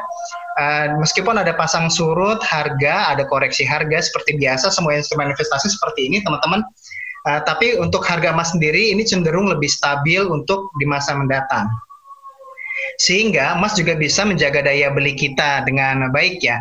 Jadi contoh misalkan saya contohkan dengan biaya untuk uh, naik haji. Jadi ongkos naik haji semakin uh, tahun itu semakin mahal, tapi kalau misalkan kita lihat atau kita bandingkan dengan harga emas itu sebenarnya semakin murah. Contoh di tahun 2009 ongkos naik haji itu ada di angka 36 juta atau setara dengan 112 gram emas, di mana di tahun 2009 harga emas di 323.000. Tapi sekarang di tahun 2020 Nah, itu harga emas sudah mencapai satu juta sehingga yang mungkin dulu kita butuh 112 gram, sekarang kita hanya butuh 36 gram. Oleh karena itu kenapa pemerintah dulu sempat mengeluarkan namanya koin ONH ya. Jadi untuk memfasilitasi uh, teman-teman kita yang muslim gitu untuk uh, menabung sebagai uh, persiapan untuk keberangkatan ibadah hajinya di masa mendatang. Dan kalau misalkan kita lihat juga di cerita kambing gitu ya, mungkin banyak yang menganalogikan juga dengan bahwa harga satu kambing dengan satu dinar emas itu sepanjang masa itu sama dan ini betul-betul terjadi gitu ya bahwa uh, di ribuan tahun yang lalu di zaman Nabi Muhammad itu harga satu kambing setara dengan satu keping dinar atau emas seberat 4,25 gram. Dan di tahun 2020, harga kambing kalau kita hitung di dalam rupiah mungkin semakin mahal, tapi kalau kita hitung berdasarkan emas, itu harganya sama. Nah, ini membuktikan bahwa kita bisa menjaga daya beli kita dengan emas. Lalu selanjutnya emas juga minim resiko serta mudah dibeli, mudah dikelola dan mudah dicairkan. Nah, jika dibandingkan dengan instrumen yang lain, mungkin uh, tidak ada yang sesimpel emas. Contoh misalkan sekarang ada saham, ada banyak sekali aplikasinya kita bisa beli di sana. Cuma memang biasanya ada butuh proses waktu sekitar satu minggu. Nah berbeda dengan emas, eh, emas ini sangat simpel sekali, cash and carry. Kita punya dananya, kita beli, kita bisa langsung bawa pulang. Atau misalkan kita lewat aplikasi, sekarang ada di pegadaian, kita misalkan tinggal transfer, kita bisa dapat emasnya. Ini sangat simpel sekali. Dan emas juga mudah dikelola jadi uh, mungkin kalau misalkan kita punya properti ya, kita harus uh, kelola properti itu, kita bayar pajaknya. Mungkin kita kontrakan dulu uh, supaya dia tetap menghasilkan uh, income. Uh, tapi kalau misalkan di Mas ini kita kelola secara pribadi mudah atau bahkan kita cukup simpan di safe deposit box atau di pegadaian itu sangat mudah sekali. Dan yang pasti instrumen investasi itu harus mudah dicairkan. Nah, emas sebagai salah satu instrumen investasi ini menjadi salah satu pilihan kenapa? Karena mudah sekali untuk dicairkan gitu ya. Uh, kita bisa cairkan tidak hanya dengan menjual, tapi kita juga bisa cara dengan gadaikan dan lain-lain sehingga kita tidak memiliki uh, tidak kehilangan hak milik terhadap emas itu sendiri. Dan yang terakhir adalah emas itu asetnya nyata, asetnya nyata dan awet gitu ya. Jadi ini kenapa tadi mudah dikelola gitu ya. Kalau misalkan kita lihat, oh saya misalkan uh, punya investasi rumah rumahnya harus saya rawat, harus saya cat setiap tahun supaya tetap uh, kelihatan bagus, tidak jamuran seperti itu. Nah, tapi kalau misalkan dengan emas, ini cukup didiamkan saja, disimpan, dia untuk nilainya, untuk masanya itu tidak berubah karena emas ini tahan korosi dan juga tahan terhadap cuaca dan misalkan dibakar pun harus suhunya di atas 300 Fahrenheit sehingga awet sekali sehingga mudah sekali untuk penyimpanannya. Sehingga investasi emas ini cocok untuk berbagai kebutuhan, baik untuk dana darurat, untuk dana pendidikan, dana pensiun, modal usaha untuk pernikahan dan tabungan haji, kita bisa alokasikan dengan emas. Contoh misalkan Uh, saya mau kasih simulasi buat teman-teman. Contoh misalkan ada rencana untuk memasukkan anak kita nanti ke kuliah kedokteran. Um, kalau misalkan kita hitung berdasarkan uang, ini pastinya nanti terkena inflasi yang sudah kita bahas dan inflasi pendidikan itu bisa sampai 15% dalam waktu satu tahun. Sehingga kalau kita tabungkan hanya dalam bentuk uang, ini pasti nanti saat di hari H kita akan butuh dan kita tarik dananya, itu nilai untuk masuk ke perguruan tingginya sudah naik Nah, bagaimana caranya? Ini kita bisa jadikan emas sebagai salah satu alat ukur. Contoh misalkan sekarang uh, masuk uh, kedokteran gitu, uh, butuh sekitar 200 juta atau sampai dengan 500 juta. Nah, kalau kita lihat, uh, mungkin kalau misalkan uh, menabung secara awam, kita menabungkan 500 juta dalam bentuk uang di bank gitu ya. Nah, uh, cara cerdasnya adalah kita ukur dulu 500 juta ini dapat berapa gram emas untuk harga sekarang. Jadi contoh misalkan 500 juta dengan harga emas 1 juta sekarang, berarti kita harus siapkan 500 juta itu bukan dalam bentuk uang, tapi dalam bentuk emas.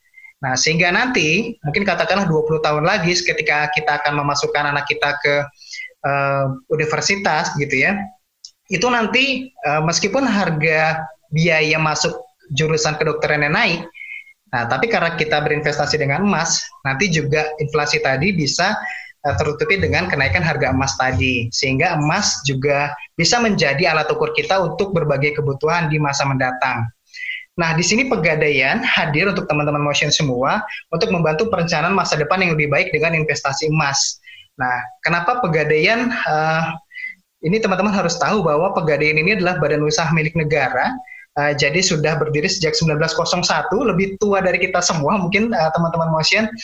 Dan ini adalah diawasi dan terdaftar di OJK sehingga nanti teman-teman semua tidak perlu khawatir tentang keamanan dan uh, jaminan dari uang yang uh, diinvestasikan di pegadaian. Dan prosesnya juga mudah, cepat dan aman ini karena bisa dilakukan melalui aplikasi pegadaian digital dan juga nanti bisa ke berbagai outlet kita itu kita ada lebih dari 4.000 outlet dan lebih dari 13.000 agen pegadaian. Nah, untuk kemudian bertransaksi sendiri, eh, kita tidak hanya sekarang berbicara tentang gadai di pegadaian, tapi juga ada pembiayaan mikro, ada pembiayaan haji, lalu juga ada gadai efek. Jadi tadi mungkin teman-teman ada yang berinvestasi saham di pegadaian juga sekarang bisa mengakomodir untuk gadai saham dan obligasi. Dan ini tentunya memudahkan kita jika membutuhkan dana uh, mendadak dan cukup digadaikan saja tanpa perlu kehilangan investasi kita. Nah, untuk investasi yang pertama di Pegadaian ada yang namanya Pegadaian Mulia atau cicil emas. Nah, jadi buat teman-teman motion, baik perorangan atau kelompok, ini bisa mulai berinvestasi emas mulai dari 0,5 gram sampai dengan 1 kilogram dan nantinya diangsur sampai dengan 36 bulan. Unggulannya adalah yang pertama, jaminan emasnya ini karatasnya pasti 24 karat dan dilengkapi sertifikat. Kami bekerja sama dengan empat brand besar di Indonesia, itu ada Antam, UBS, Lotus Archie, dan Galeri 24 sebaku anak perusahaan PT Pegadaian. Dan yang pasti nanti uang mukanya ini sangat terjangkau sekali karena cukup mulai dari 15% saja. Dan juga nanti untuk angsurannya tidak berubah sampai dengan uh, akhir masa angsuran. Jadi misalkan nanti uh, Sheryl kalau misalkan mau ambil emas yang 10 gram, harga masih satu juta ternyata ngambil tiga tahun di tahun kedua itu harga emasnya naik jadi 2 juta itu angsurannya tidak berubah yes. Angsurannya tidak berubah jadi sampai lunas nanti baru emasnya bisa didapatkan gitu ya wah itu penting banget tuh mas ya karena penting kan banget. si harga emas naik melulu nih wah ini Betul. penting nih penting terima kasih ilmunya hihi nah, jadi misalkan nanti harga emas naik di tengah masa angsuran gitu ya yes. itu dia angsurannya tidak berubah sampai dengan masa uh, angsurannya selesai. Selesai, flat Jadi, lah pokoknya sampai akhir gitu ya. akad syariah sehingga harganya ini sesuai dengan akad di awal uh, transaksi seperti itu. Oke, mantap.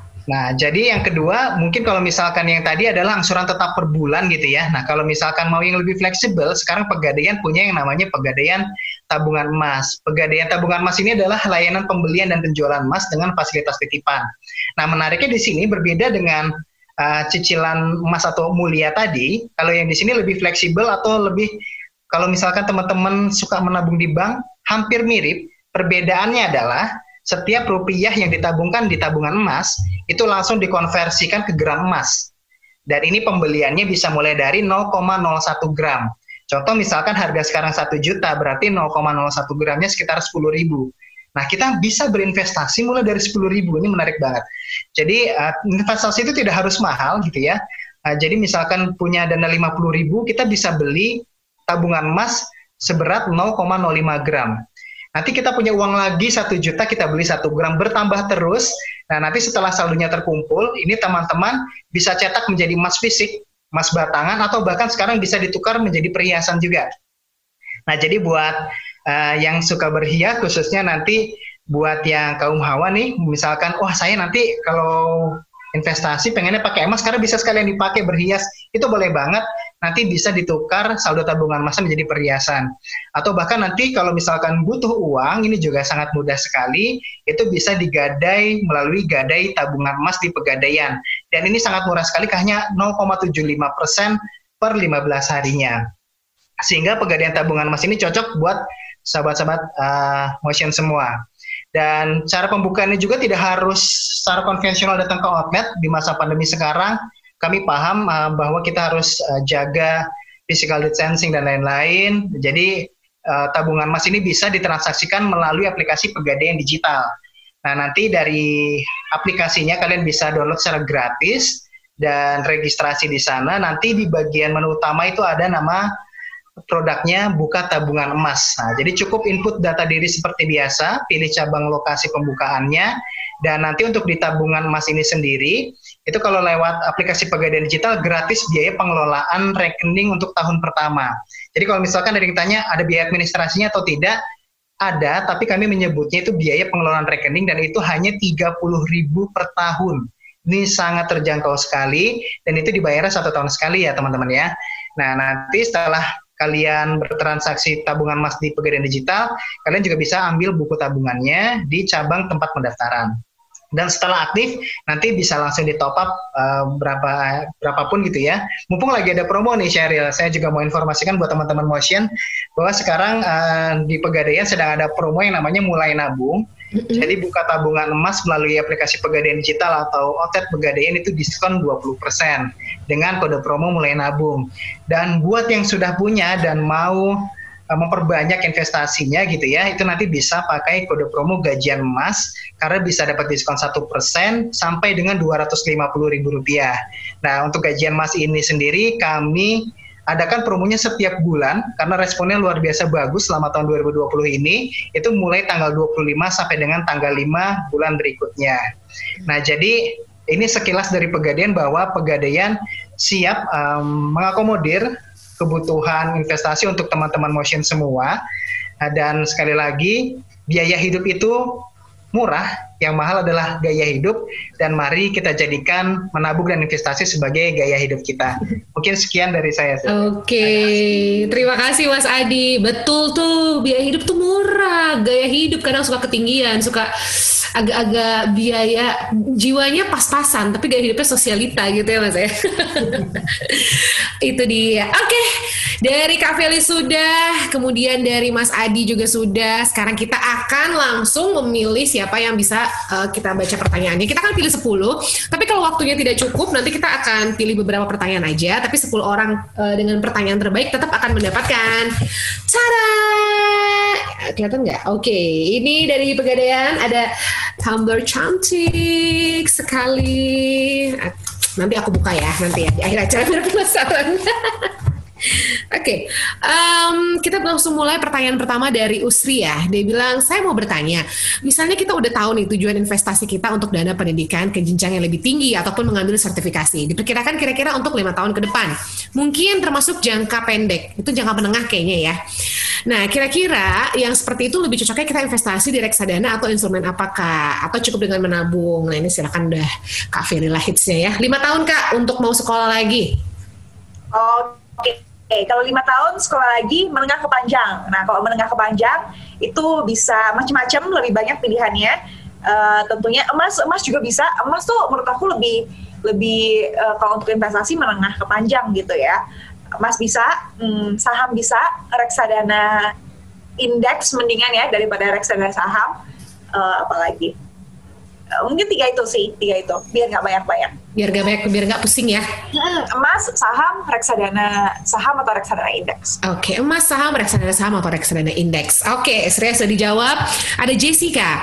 Halo Kak, selamat siang. Mau tanya, kalau saat ini sekarang ada uang dingin. Waduh, uangnya kayaknya demam tuh dia kedinginan tuh ya. Kehujanan kayaknya dia tuh. uang dinginnya total 100 juta. Alhamdulillah puji Tuhan. Eh, masih diletakkan di deposito dan akan cair bulan depan gitu. Nih udah nemu YouTube Kaveli terlambat nih setelah perpanjang depositonya katanya. Coba kalau nemu YouTube Kaveli duluan ya udah macam-macam investasinya kayaknya nih. Oke, dia bilang untuk saat ini goalsnya pengen pensiun dini sekitar 20 sampai 25 tahun lagi dia pengen pensiun ya. Terus investasi di mana sebaiknya yang dilakukan setelah depositonya cair? Oke, aku aku yang jawab ya, Kak Boleh. Boleh. Oke. Kalau gitu aku ini ya izin share screen ya biar apa kebayang gitu. Oke. Eh, lihat dulu. Eh, punya uang 100 juta, puji Tuhan ya, masih punya uang nganggur nih. Eh, bulan depan deposito cair. Nah, pertama, oke. Terus goalsnya adalah goals adalah eh, pensiun dini sebenarnya kalau ngitung pensiun-pensiun dini gini, aku tuh eh, ada ini juga sih lebih detail di YouTube-nya ya. Jadi kita mesti ngitung banyak nih. Pertama ngitung pengeluaran bulanan dulu, di adjust sama inflasi. Kemudian eh, bagi dengan ada 4% rule namanya. Barulah kita ketemu mesti invest berapa per bulan. Itu ada lengkap di YouTube aku. Judulnya ngitungin dana pensiun mama gitu. Nah, tapi dari data yang aku punya sekarang, eh, pertama dia mau pensiun dini, berarti masih lumayan panjang nih mimpinya ya. Kayaknya ya, kayaknya masih muda lah ya. Jadi mungkin eh, ini aku asumsikan mungkin eh, lebih dari 10 tahun lagi ya dia mau pensiun dini ya. Berarti masih panjang mimpinya. Kedua, eh, dia tuh selama ini investasinya deposito kan, semuanya di deposito. Berarti aku betul. rasa eh, kakak yang nanya ini agak konservatif gitu ya. Iya makanya dia bilang, aduh ini karena dia nemu YouTube-nya Kaveli terlambat, dia perpanjang terus depositonya.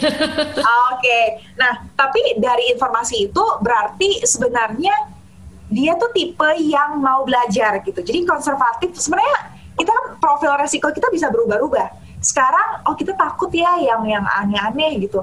Tapi kalau kita belajar em, gimana ya resiko kadang resiko tuh hadir kan kita nggak tahu. Iya. Nah tadi kan dia bilang eh, coba nemu berarti ada ada informasinya berarti dia tuh bisa ini nih dari konservatif bisa agak lebih agresif. Nah saran aku nih, saran aku ya, kalau uangnya 100 juta eh, bulan depan deposito cair untuk pensiun dini.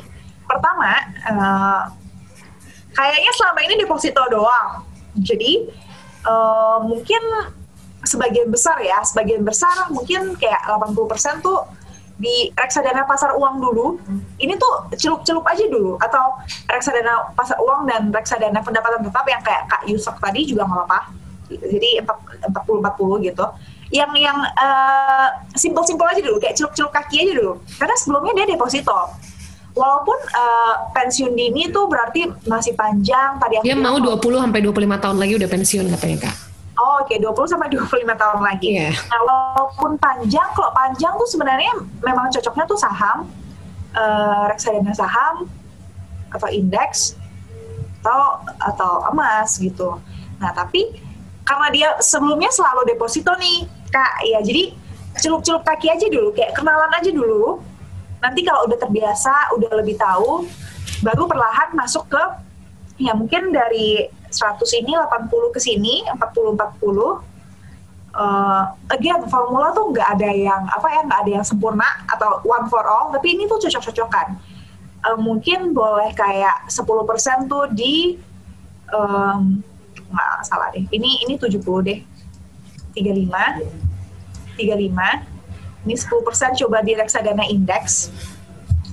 Uh, kemudian 70, 10, 80 kebanyakan ya? Kalau banyak produknya bingung kali ya dia ya.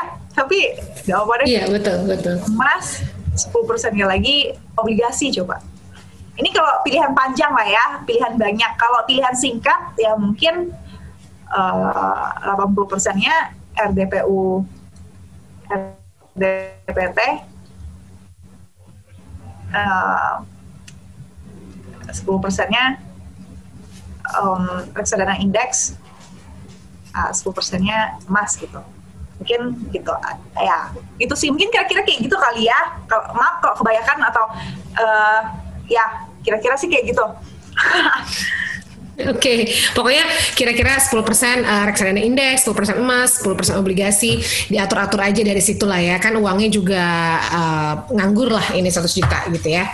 Tapi uh, mungkin banyak tuh kalau aku boleh nekenin paling banyak tuh coba aja dulu di pasar uang sama pendapatan tetap karena kan baru selama ini deposito mau ke yang lebih lebih tinggi returnnya lebih tinggi juga resikonya yang yang yang santai dulu coba di ini dulu gitu kalau udah lebih tahu baru yang lebih itulah pro okay. gitu. Oke. Okay. Oke, okay, siap. Kita lanjut ke pertanyaan selanjutnya ya. Hai Kak, mau nanya, harga emas kan sudah mulai turun.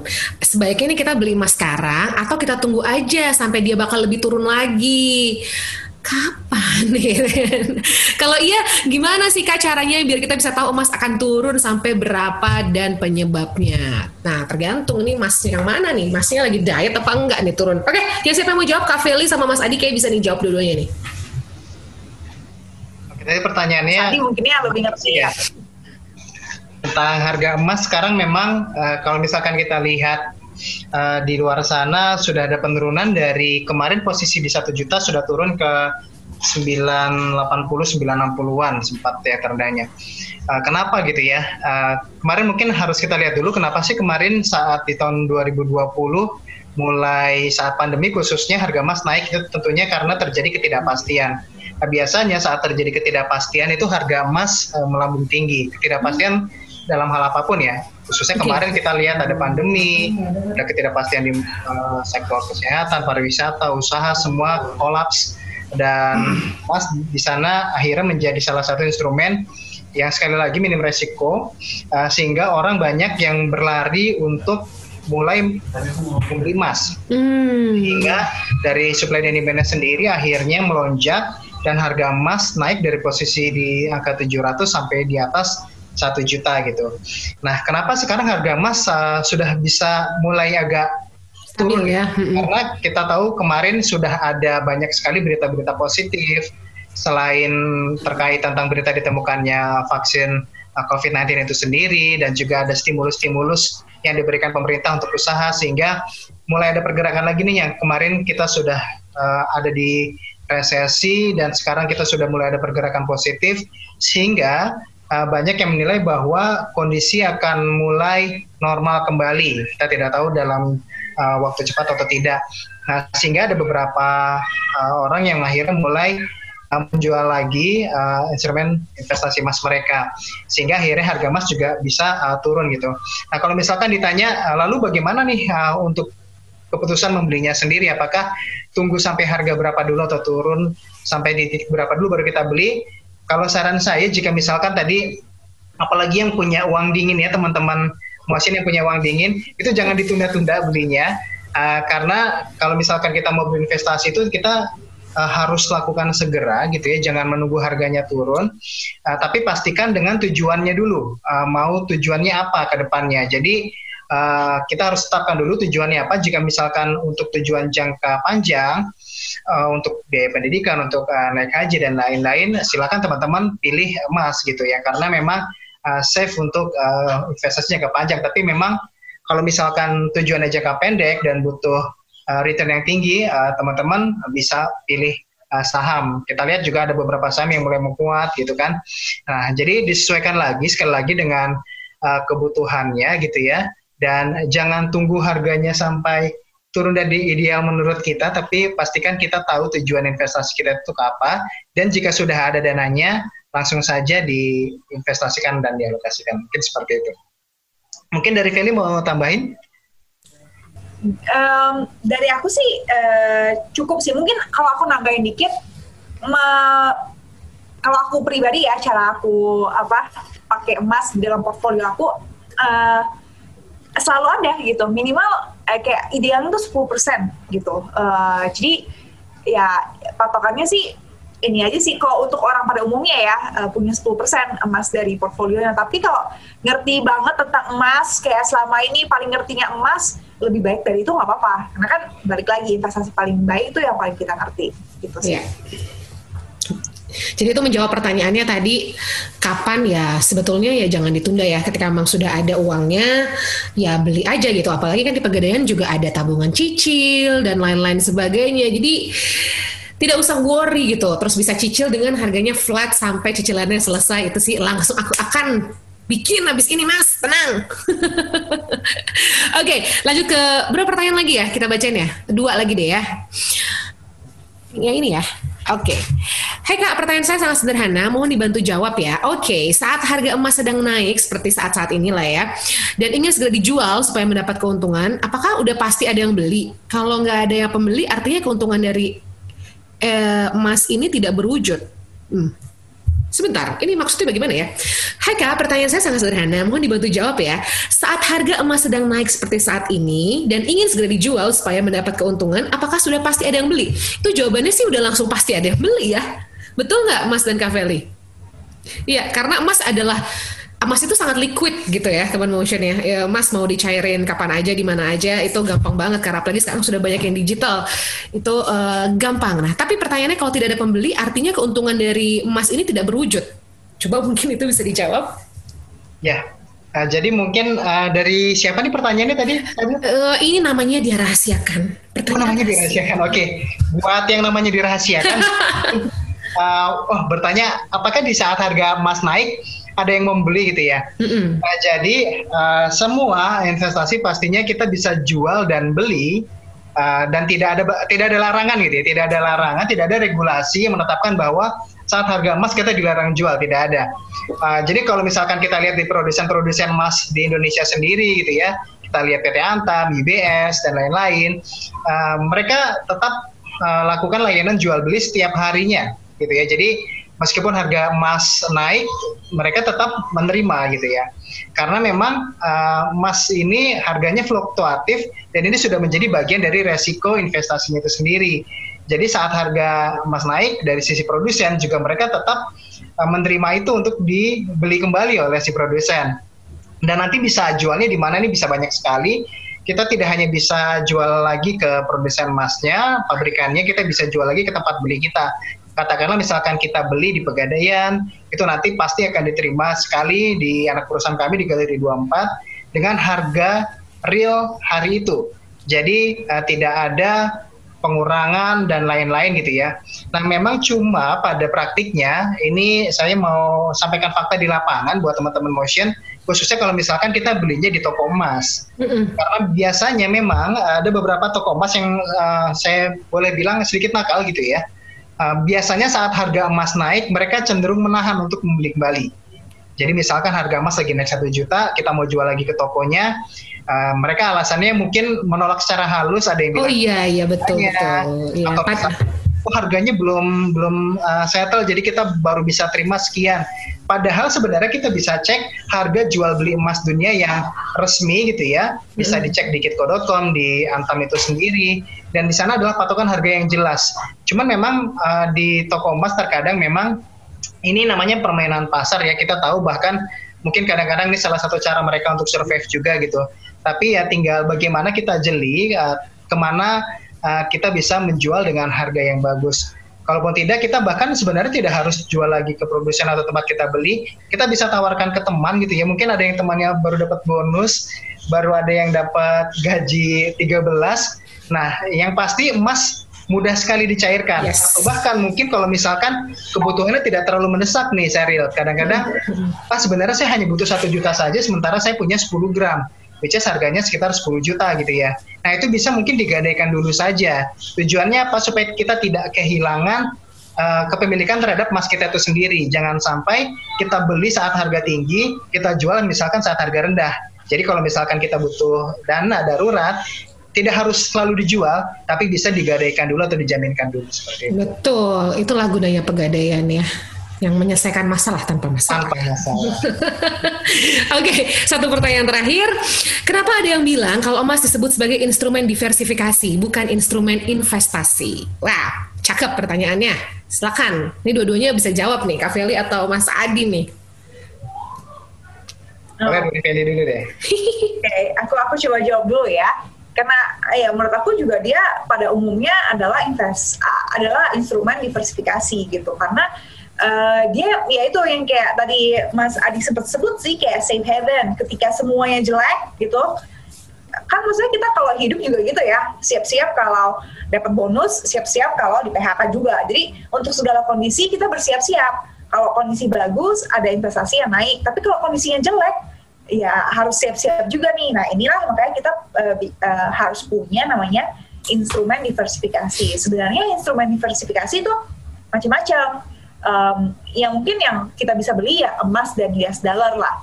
Tapi kalau nggak ada apa exposure atau keperluan ke luar negeri, uh, US dollar mungkin nggak perlu emas aja cukup.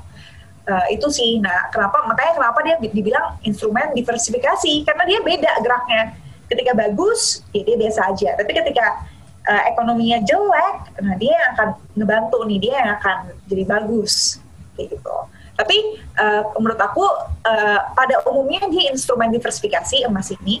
Cuma kalau kita ngerti banget dan selama ini emas banget lah tim emas pokoknya bisa juga jadi instrumen investasi uh, kayak yang diceritain Mas Adi tadi yang apa naik haji tadi ya. Oke betul. Mas Adi ini mau ditambahin? Ya, jadi memang kalau misalkan kita lihat lagi dari tujuan investasi itu sebenarnya kan memang ada salah satu poin yang menekankan untuk mendapatkan keuntungan ya.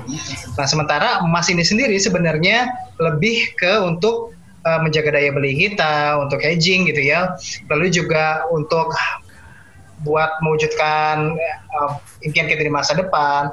Misalkan kita ada kebutuhan-kebutuhan dana pendidikan yang kita butuh instrumen yang aman gitu ya sehingga banyak yang uh, menyebutkan bahwa emas uh, cocok buat diversifikasi. Uh, tapi uh, yang harus dipaham adalah uh, kita dalam berinvestasi itu tidak harus uh, punya satu saja gitu. Jadi kita harus menaruh investasi kita di banyak uh, keranjang gitu ya. Jadi jangan sampai kita menaruh semua telur kita dalam satu keranjang. Kita pisah-pisah ranjangnya gitu ya, keranjangnya.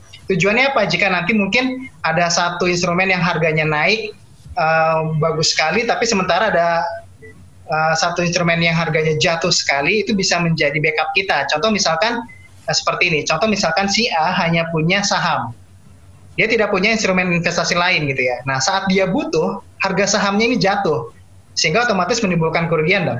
Nah tapi berbeda cerita jika nanti misalkan si A ternyata punya tiga instrumen. Contoh misalkan dia punya saham, dia punya reksadana, dan dia punya emas. Nah, saat harga saham dan reksadananya jatuh, sementara harga emasnya naik, nah ini bisa menjadi penyelamat gitu ya. Jadi bisa dijual yang emasnya dulu gitu. Jadi uh, investasinya itu tidak harus terpaku pada satu. Misalkan kita, oh saya paling paham di saham. Jadi uh, kita jangan juga hanya mengalokasikan dana kita ke saham semua gitu. Jadi harus tetap kita pilah-pilah. Jadi sekali lagi jangan taruh seluruh telur kita dalam satu keranjang dan pastikan kita tahu resikonya dan kita tahu uh, nanti kebutuhannya untuk masa mendatang seperti apa. Seperti itu. Mantap. Oke, okay. karena waktunya sudah habis, aku mau terima kasih dulu untuk yang udah nanya. Ada Usria, Us ini, ini yang lain banyak yang nanya ya, tapi tadi yang sudah terpilih ada Usria, ada Jessica, ada Dian Enggraini, Noviana Damayanti, ada yang beberapa nggak ada nama, uh, Tony Indrawan, Nirmala Sari, dan lain-lain ya. Ada 10 orang. Selamat kamu yang terpilih nanti akan dihubungi tim motion mendapatkan ini dari Pegadaian. Yeay. Kak Feli pasti mau juga nih. Aku juga mau. Iya iya unboxing kan unboxing. unboxing lagi ya kita ya. Alright. Kita tuh kan aku tuh pecinta Tumblr. Pasti Kak Feli juga pecinta Tumblr. Apalagi kita semakin bermerek ya kak ya. Bermerek.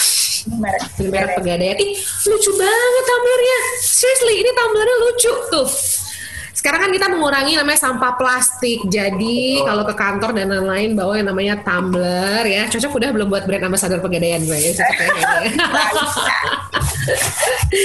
Oke, okay, ini kalau mau buat nanti travel tumbler kan udah mau liburan lagi ya kan mau di rumah juga selamat sekali lagi buat 10 orang yang beruntung yang tadi sudah bertanya dan juga buat teman motion yang udah ikutan teman-teman motion hari ini thank you so much mungkin ada a closing statement dari Kak Feli dan Mas Adi silahkan Oke, okay. dari dari aku dulu ya, Mas okay. Adi ya, gimana? Oke, okay. singkat aja sih dari aku, kita udah denger banyak seperti biasa yang bikin kita beda semuanya yang bikin habis ini Kak Sheryl bakal gimana atau iya. lagi uh, kita bakal gimana adalah yaitu uh, siapa yang memulai gitu. Kalau masih ingat cerita Kenneth sama Victor tadi, ya si Victor orang orang kaya yang pinter gitu ceritanya udah, udah ganteng pinter kaya lagi ya nggak ada kurangnya cuma ya kurangnya dia nggak memulai gitu kita sebagai orang biasa aku juga menurut aku kita semua inilah ya masyarakat eh, mungkin bukan lahir dari keluarga sultan atau yang kaya raya melintir gitu. Nah, mm-hmm. seharusnya semua keterbatasan itu menjadikan kita sedikit lebih cerdas untuk nempatin uang kita untuk mulai um, biar ya kita bisa berteman sama waktu dan ngalahin atau nggak ngalahin lah atau atau uh, keep up lah ya sama yang lain gitu. Yes, betul. Nah, dari Mas Adi gimana Mas? Closing statement mungkin. Salah satu investasi yang bermanfaat itu adalah ilmu di dalam diri kita yang diaplikasikan ya. Jadi sehingga segala sesuatu apa pun itu kalau hanya diucapkan tanpa ada niat dan tindakan yang untuk berani memulai, maka akan menjadi sia-sia. Jadi seperti kata pepatah bahwa seribu langkah dimulai dari satu langkah kecil, begitu juga dengan investasi. Dan untuk yang baru memulai uh, untuk berinvestasi uh, di Pegadaian memberikan uh, sebuah solusi dengan produk tabungan emas uh, dan teman-teman bisa mulai berinvestasi dengan nominal yang sangat terjangkau dan yang pastinya aman dan bisa mewujudkan mimpi-mimpi kita di masa depan. Dan sekali lagi pesan saya, jika belum berinvestasi maka berinvestasilah dari sekarang supaya masa depan kita nanti tidak cemas dan sejahtera. Wih keren, setuju saya bener banget teman motion, betul sekali karena kita harus mulai sedari lebih muda gitu ya. Mungkin uh, angkatan-angkatan di atas kita, angkatan-angkatan orang tua kita uh, melek investasi, tapi mungkin belum semelek sekarang karena kita lihat juga makin lebih banyak orang-orang muda yang sudah bermain saham, yang sudah berinvestasi, yang sudah beli emas gitu. And it's a good news for all of us. Berarti generasi-generasi kita adalah generasi yang melek dengan finansial, melek dengan masa depan dan mudah-mudahan juga ke depannya menghilangkan yang namanya sandwich generation dan juga kita bisa lebih mandiri lagi. Dan of course, semua yang kita pengen di masa depan itu bisa kita capai dengan diri sendiri. Dan jangan lupa ya, biarkan juga uang yang bekerja buat kita seperti kata Kak Feli, investasi membiarkan uang bekerja buat kita supaya nanti kita bisa pensiun dengan enak dan menikmati hari tua. Itu adalah goals kita, menikmati hari tua ya. Thank you so much sudah bergabung di Temu Teman Motion sore hari ini. Terima kasih sekali lagi Kak Feli dan juga Mas Adi dari Pegadaian. I'm sorry. Kita ketemu lagi di lain kesempatan. Selamat sore and ciao. Happy weekend. Bye all. Happy weekend all. Bye. Bye bye. Itu dia Temu Teman Motion bareng Felicia Putri, investment storyteller, dan Adi Wijaya Putra, praktisi investasi emas dari Pegadaian. Nantikan Temu Teman Motion seru berikutnya, only on Motion 975.